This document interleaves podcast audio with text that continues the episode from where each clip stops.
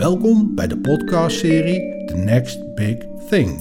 Een interdisciplinaire reeks waarin prominente wetenschappers een inkijkje geven in de toekomst van de wetenschap. In deze aflevering Bert Wekhuizen, hoogleraar anorganische chemie en katalyse aan de Universiteit van Utrecht. Dit college gaat over scheikunde. Hartelijk dank voor uh, de uitnodiging. Het is mijn plezier om hier te zijn. Uh, en ik hoop dat ik de passie voor chemie kan overdragen aan jullie. Als we praten over chemie, scheikunde, dan, en ik praat met mensen, als ik zo zou zeggen, quote, in de straat, dan, uh, of in, een winkel of whatever, en zij vragen van wat doe je? En je zegt, je bent professor in de scheikunde. Dan denken mensen, één, oh, moeilijk, daar was ik niet zo goed in. Twee is vies, dat is een ander eh, woord dat je krijgt. En ik hoop dat ik op het einde van uh, mijn lezing je kan overtuigen dat het misschien ook wel vies is, dat het ook misschien wel moeilijk is, maar dat het ook eigenlijk geweldig leuk is en ook belangrijk. En ik denk dat uh, we soms verbaasd zijn wat allemaal chemie is. Ik heb hier een Common Perception of Chemistry. Ik heb een foto hier en ik denk van iedereen gaat chemie associëren met dit. Dit is een klassiek lab, maar ik kan je vertellen, de labs beginnen er minder en minder zo uit te zien. Het tweede is, dit is ook waar je met chemie associeert. Dit is uh, de botlek. En hier zie je een of ander groot uh, chemisch bedrijf waarbij je denkt, oké, dus wat wij denken en wat ook nog zo is, is dat wij enorme, grote complexen van chemische activiteiten hebben, waarbij heel veel gebeurt. Nu Nederland, België, Vlaanderen en Duitsland, een aantal landen in Europa, hebben een enorm grote activiteit in chemische bedrijvigheid. Het is een belangrijke sector in Nederland en dat heeft zijn reden omdat het ook gelegen is aan uh, de zee, aan water. Dus er komen enorm grote schepen aan om bijvoorbeeld aardolie of in het hinterland aardgas aan te leveren. Ik wil eigenlijk beginnen met, toen ik die vraag kreeg van the next big thing. Ik moest zeggen, ik vond het nogal een uh, uitdaging en ik heb er heel lang over nagedacht. En ik wou eigenlijk beginnen met eerst eens, what is next en what is big? En um, ik wou eigenlijk beginnen met iets dat een molecuul is in het midden, CO2. En over CO2 praten we nu. Dat is een big thing. Maar het grappige is dat dit probleem al heel oud is. Dit is Svante Arrhenius, uh, van de Arrhenius-vergelijking. Dus hij heeft een Nobelprijs voor iets heel anders gekregen dan CO2. En deze man, die heeft in dit artikel voor de eerste keer al aangegeven dat CO2 een effect heeft op de atmosfeer, op de temperatuur. Dus dit is 100 jaar geleden, zullen we maar zeggen. Meer zelfs. Maar dit was not a big thing in these days. Maar het was wel een big thing. Dat doet me wel enige bescheidenheid vandaag hier hebben over als Rens vraagt wat is the next big thing, dan is het zo dat we dat niet per se weten. En misschien kan ik vandaag alleen maar zeggen dat ik probeer signalen op te vangen wat misschien belangrijk kan worden. Hier heb ik aan de rechterkant een figuurtje over de opwarming van de aarde en links zie je hoe de CO2-concentratie omhoog gaat. En je ziet verschillende metingen per jaar en dan zie je dus hoe dit toeneemt. Dus in het begin was er niet echt een probleem, maar eigenlijk wist men toen al, Arrhenius kennende, dat er een invloed was van, of een relatie was tussen CO2 en het opwarmen of het, het het op de aarde houden van de temperatuur en daardoor het um, uiteindelijk dan ook het leiden tot een broeikaseffect. Ik ga je een paar foto's tonen die uh, aangeven wat het effect is. Links een grote stad in de zomer, Los Angeles. Rechts, een beetje verder het land in, zie je zonnepanelen en windmolens. En dat brengt me bij een stelling die ik altijd graag wil gebruiken. Sommige mensen zeggen we gaan naar een koolstofvrije samenleving. Dan zeg ik altijd, dat is een beetje raar, want jouw lichaam is opgebouwd uit koolstof. Dus dan gaan we marsmannetjes maken met, met chloor of iets anders of zo. Dus dat is een beetje moeilijk. Dus ik denk dat we moeten direct zeggen, koolstof is forever, zoals alle elementen forever zijn.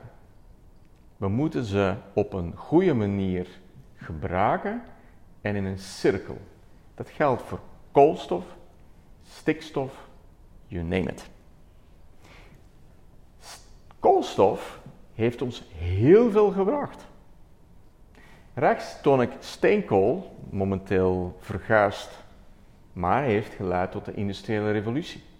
Heeft het mogelijk gemaakt om staalindustrie, etc. te ontwikkelen.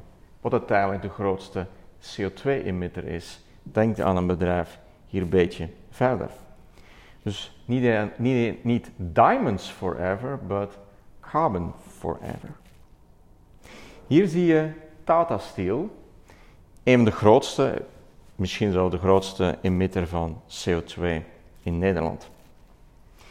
Dus dat als een soort van eerste statement. The next big thing, Arrhenius, moeilijk. Ik weet het niet, maar je ziet wel wat het enorm effect hiervan is. Ik wil beginnen met chemie is overal. Men denkt, maar wacht even, chemie is vies. Dat klopt.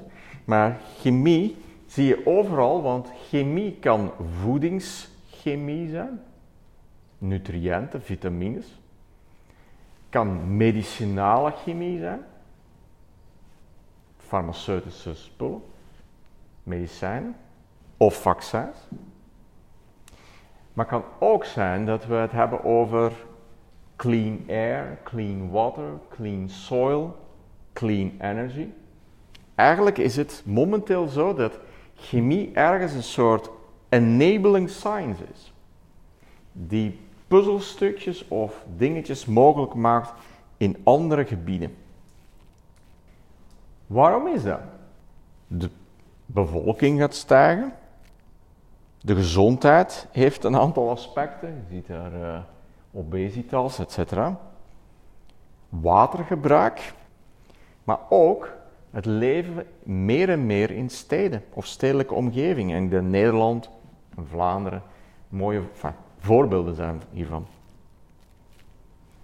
Een ander ding dat ik wil vertalen is het, het, het uh, solution to challenges. Daarvoor heb ik een voorbeeld meegepakt en dat gaat over plastic. En ik wil je uh, vandaag uh, resultaten van onderzoekgroep samen met het Nederlands Instituut voor Onderzoek aan de Zee, NIOS. Die hebben een boot en mensen gaan dan op cruise, wetenschappers, en die, wij zijn, uh, medewerkers en um, ik zelf niet, zijn van Kaapstad tot hier en terug en hebben samples genomen, verschillende hoogten. En als je dat doet, kan je die met heel geavanceerde technieken, kan je spectra opnemen en kan je PET, als een polyethyleenterftalaat, PET van uh, flessen, micronanoplastic. Die kan je dus vinden, ja, aan het oppervlak, dat verwacht je, maar ook veel dieper. Tot, we hebben zelfs metingen tot 4000 meter diep. Dus de, de, de bevindingen van vorige week, die zijn geweldig. Maar ik was er in zekere zin, ja, ik zeg niet dat ik er niet door verbaasd was, maar tegenwoordig vinden we overal het. Van de, ja, ik zeg nu, van de Himalaya tot uh, de diepe zee, om het zo maar even zo te zeggen, om uh, het uh, zo uit te drukken. We doen van alles met omzettingen. En als voorbeeld daarvan heb ik het voorbeeld van wat daar juist al verteld is over kunnen we nadenken over materialen. Kunnen we een omgeving maken die zodanig is dat die ons beschermt?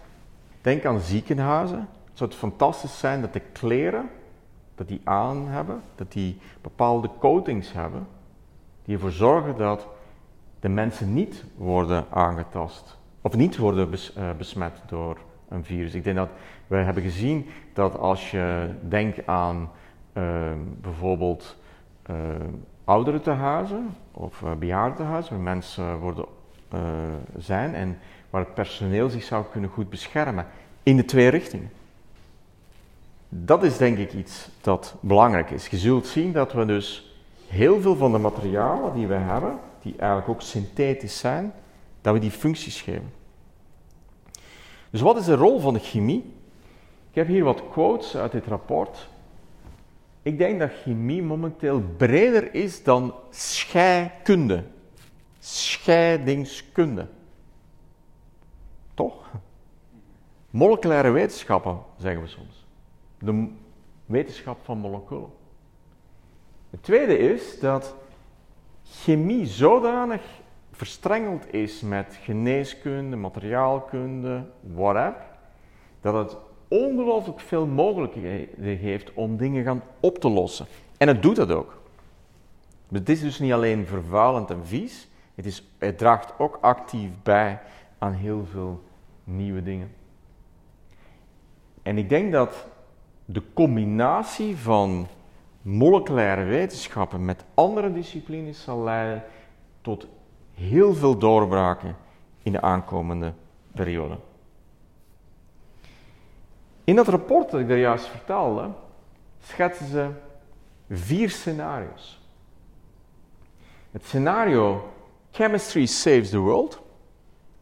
Scenario 2 Push button chemistry. Ik zal je uitleggen wat ik daarmee bedoel. En scenario 3 A world without chemists. Oké, dan moet ik iets anders gaan doen. En scenario 4, free market chemistry. Zal ik je ook uitleggen wat daar kan onder verstaan worden.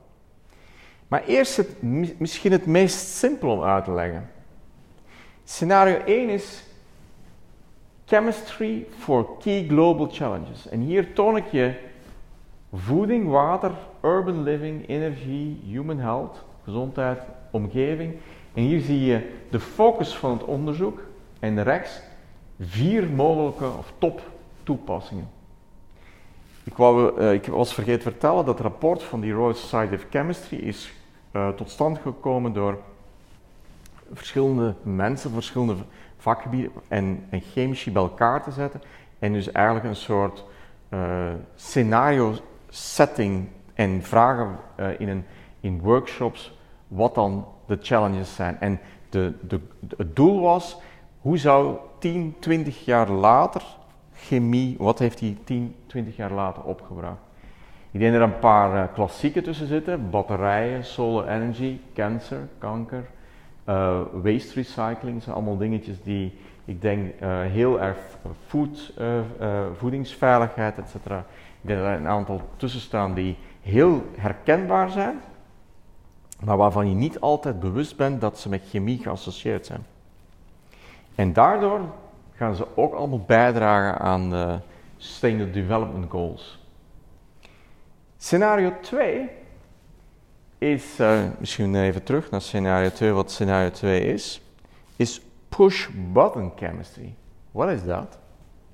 Herinner je dat ik begon met een foto van de botlek? Enorme grote installaties. Erg geconcentreerd. Een van de grote processen is bijvoorbeeld dit, heel klein uitgevonden, maar door Frits dus Haber, heeft het ammoniaksyntheseproces. Stikstof plus waterstof maakt ammoniak. Met ammoniak kun je nitraten maken, ammonium, nitraat, meststoffen. Haber-Bos-proces heeft ongelooflijk veel positieve dingen gedaan. Want het heeft het mogelijk gemaakt om meststoffen, kunstmeststoffen te maken. En daardoor hebben we heel veel landbouw kunnen creëren die geleid heeft tot voedsel. Dan zul je direct zeggen, wow, de keerzijde is twee.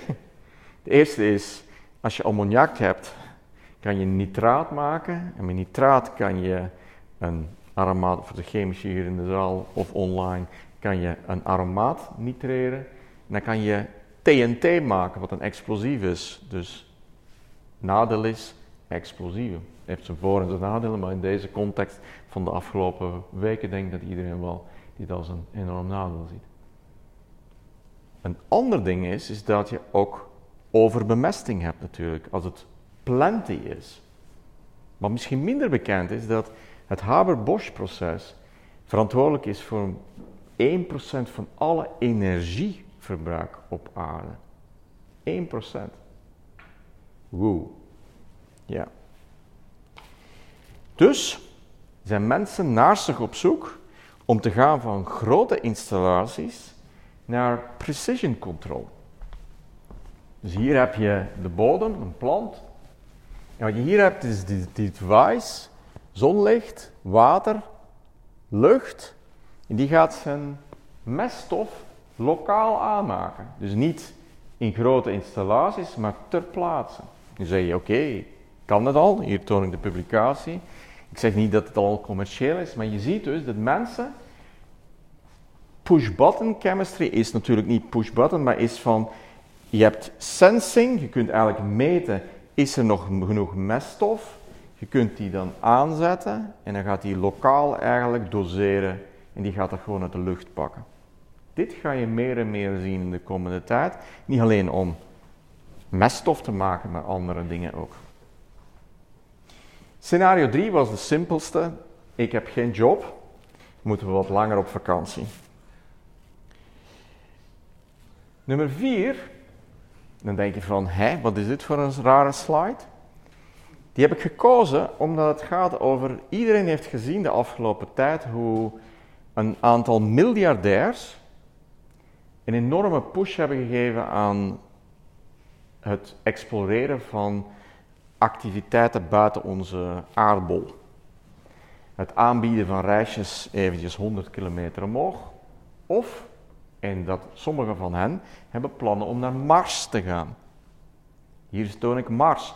Kun je leven of Mars maken? Dus hier op de aarde moet je even rond de maan even nog eh, gaan en dan naar daar. En kun je dan zo'n doom maken waar we gaan leven. Dan moet je wel zorgen dat je terug kunt. Als je terug wil, moet je zorgen dat je brandstof kunt maken. Een van de dingen waarom dat, als je terug kunt, daarom iedereen zegt, ja, ze willen water vinden om te zorgen dat je kan drinken, dat klopt.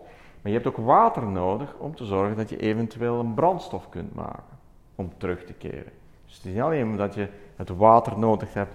Dus de hele discussie is er water op Mars of op elke andere planeet ergens ver weg, heeft een reden. Dus wat is hier aan de hand is, terug naar misschien een paar honderd jaar geleden, waarbij mecenassen geld gaven, of mensen geïnteresseerd waren en gingen dus enorme uh, gelden stoppen om dingen voor elkaar te boksen, ambitieuze projecten. En dit zou er eentje kunnen zijn. Om af te sluiten dit deel wil ik het hebben over onderwijs. Ik denk dat chemie, zoals heel veel disciplines, je wil je T-profiel hebben, een diepe wortel in de grond, maar je wil ook mensen de connectors, de communicators maken van de wereld. Je wil ze zorgen dat ze met elkaar kunnen communiceren, want problemen, de uitdagingen in de samenleving zijn entangled. Je kunt een prachtig iets maken, maar als de consument er niet in geïnteresseerd is en het niet wil implementeren, dan zal het niet gebeuren. Als we dan toch chemie centraal stellen en andere wetenschappelijke disciplines om complexe problemen op te lossen, dan moeten we durven studenten uit te dagen met echte problemen in, samen, in context met de samenleving. dat betekent dus dat we onze curricula als professoren moeten herdenken. Het derde ding is de top 10 emerging technologies. UPAC, de internationale organisatie van Pure and Applied Chemistry, heeft sinds 2019 10 technologieën elk jaar geïdentificeerd als emerging. Ik ga ze niet allemaal Ik heb er drie geselecteerd. De eerste is artificiële humus. Humus een van de dingen die uh, mensen vergeten is, is dat heel veel koolstof zit in de lucht Maar er zit nog veel meer koolstof in de laag van onze de eerste pakweg meter. Enorm veel koolstof. Kunnen we artificiële humus maken die ervoor zorgt dat we van alle functies geven aan de aarde, die ervoor zorgt bijvoorbeeld dat CO2 wordt opgenomen.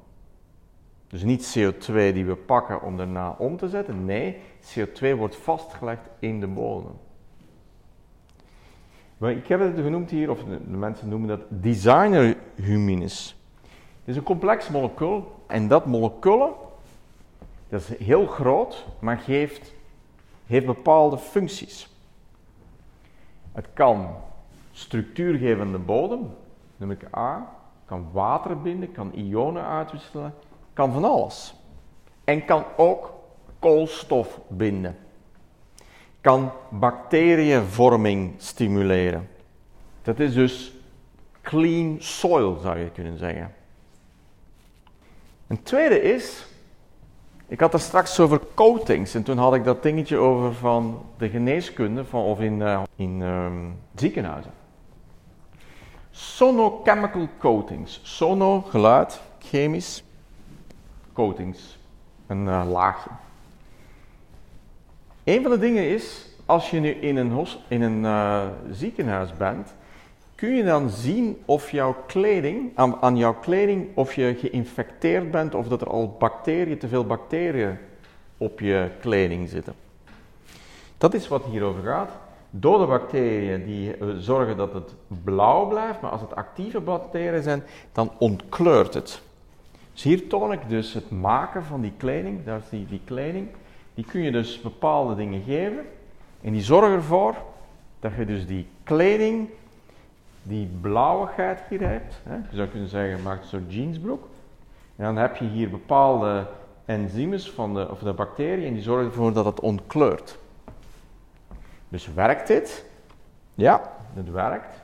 En hier tonen voor twee uh, bacteriën, E. coli en Staphylococcus aureus. Dan zie je dus het effect daarvan. En hier zie je ook de kleurveranderingen. Dus je kunt momenteel dus kleding maken met een sensing, een sensor in, en die door kleurveranderingen. En denk je, oké, goed. Maar dat is nu een voorbeeld waar je van ziet dat je dus functies begint te geven aan kleding, aan materialen. Nu dat geluid, wil ik ook iets over hebben. Kijk, dit is een, waarom heb ik dat sono? We zijn eigenlijk gewoon om iets temperatuur te verhogen, druk te veranderen, maar er zijn heel veel andere stimuli. Geluid is er één van. En hier toon ik voor een waterstofproductie, een, een kathode-elektrode, en zie je dus als je geen ultrasound wat hebt, dan zie je dus bubbeltjes blijven plakken aan de elektrode en de rechterkant zie je ze weggaan. Dus wat je ziet zien is heel veel effecten zoals geluid, microgolven, mechanische interacties, die gaan allemaal bestudeerd worden. Het derde voorbeeld is semisynthetisch leven. Wat bedoel ik daarmee? We hebben DNA, RNA, ons erfelijk materiaal. bestaat uit vier bazen twee bazenparen. En momenteel is het zo dat chemici, biochemici, hebben, dit is het klassieke, het bovenste, vier nucleotiden, twee bazenparen, AT, GC. Kun je x aantal proteïnen mee maken. Pakweg een paar jaar geleden hebben mensen X en Y uitgevonden. En op het moment dat je X en Y hebt, breid je dus één basenpaar uit. En dan kun je direct een heel aantal, aantal andere aminozuren gaan maken. En dan kun je zeggen, wat kunnen daarmee? Maar aminozuren maken eiwitten. En eiwitten hebben een functie. En kun je gaan gebruiken in therapeutische behandelingen, etc. Ongelooflijk. En dan denk je, dat is het dan? Nee. Op dit moment is het zo dat ze dus van vier naar 6, naar 8 En hier zie ik de 8. Dus je ziet dus, en het is maar wachten, dat het er 10 zijn, 12, etc. En dan komt er dus een heel nieuwe wereld voor je. Want dat betekent dat er totaal nieuwe eiwitten zijn. Dat betekent dus dat je op een heel andere manier leven kunt gaan maken. Heeft ook andere dingen, ethische aspecten. Maar daar ga ik het vandaag niet over hebben. Ik wil eindigen met de raffinaderij van de toekomst. Wat is de raffinaderij van de toekomst? Nobody knows. Wat bedoel ik daarmee? Niemand weet hoe het er gaat uitzien. We weten wel één ding is, we willen geen aardgas, geen aardolie, geen steenkool. Fair enough. Dus gaan we CO2 pakken uit de lucht of van Tata Steel of whatever. We gaan plastic afval pakken of gewoon afval in het algemeen. En we kunnen ook bijvoorbeeld afval van uh, planten of de agrarische industrie. We denken altijd van, nou ja, uh, goud is duur. Maar dat valt nog mee. Rhodium is heel duur. Maar meer en meer merk je ook dat nikkel en kobalt en andere elementen ook heel duur worden. Betekent dus dat als wij heel deze nieuwe raffinaderijen gaan maken, op basis van CO2, waterstof, plastic, whatever, dan hebben wij heel veel andere elementen. En het grapje, alhoewel dat dit eh, niet een, serieus uh, grapje, ik bedoel, ik zeg het als een grapje, maar dit was het schaarse goed dan, het uh, zwarte goud of whatever je noemt. Maar we gaan ook gaan, eigenlijk ga je van het ene kritische naar het andere. Dan gaan we, ja, en dan zie je dus al landen strategisch denken, hoe kunnen we ervoor zorgen dat we allemaal metaal hebben. Nu, om eens aan te tonen dat we dus echt proberen frontier te werken, hier toon ik iets van 2022, van dit jaar, waarin we rechtstreeks CO, waterstof, kunnen omzetten in een brandstof. Door, een, door deze bolletjes te maken. En die hebben verschillende functies, links en rechts, die combineren we. Ik toon de CO, CO2, plastic, reduce, reuse, recycle. Plastic, micro, nanoplastics, heb ik al verteld. Maar kunnen we plastic zodanig gaan gebruiken dat we de afval een grondstof wordt? Een grondstof om nieuwe dingen te maken. Dat betekent dus dat we in plaats van onze aardolie nu eigenlijk de afval gaan gebruiken om in onze grote installaties te gaan stoppen.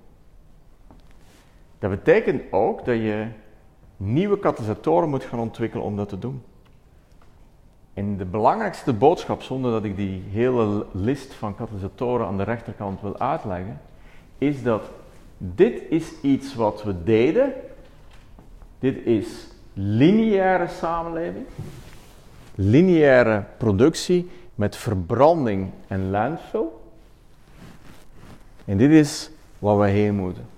Het circulaire. En stapgewijs, dit zijn allemaal technieken, stapgewijs zul je zien dat deze technieken zich beter en beter gaan ontwikkelen, zo in staat zijn om meer en meer te recyclen. Dit is nu voor plastic. Ik toonde aan, of heb al verteld over, we moeten hetzelfde doen voor niet alleen koolstof, maar stikstof en fosfor. Alle elementen op aarde moeten we terug gaan herdenken, waarbij we proberen materialen zodanig te maken dat ze niet alleen een functie hebben, maar ze eigenlijk ook toegerust zijn om gerecycled te worden. Dus ik hoop, ik hoop dat ik je verteld heb over de materialenrevolutie, de energierevolutie, de resources, from linear to circular. Dit is niet alleen mijn werk, het is het werk van sponsors en heel veel mensen. Dankjewel voor de uitnodiging.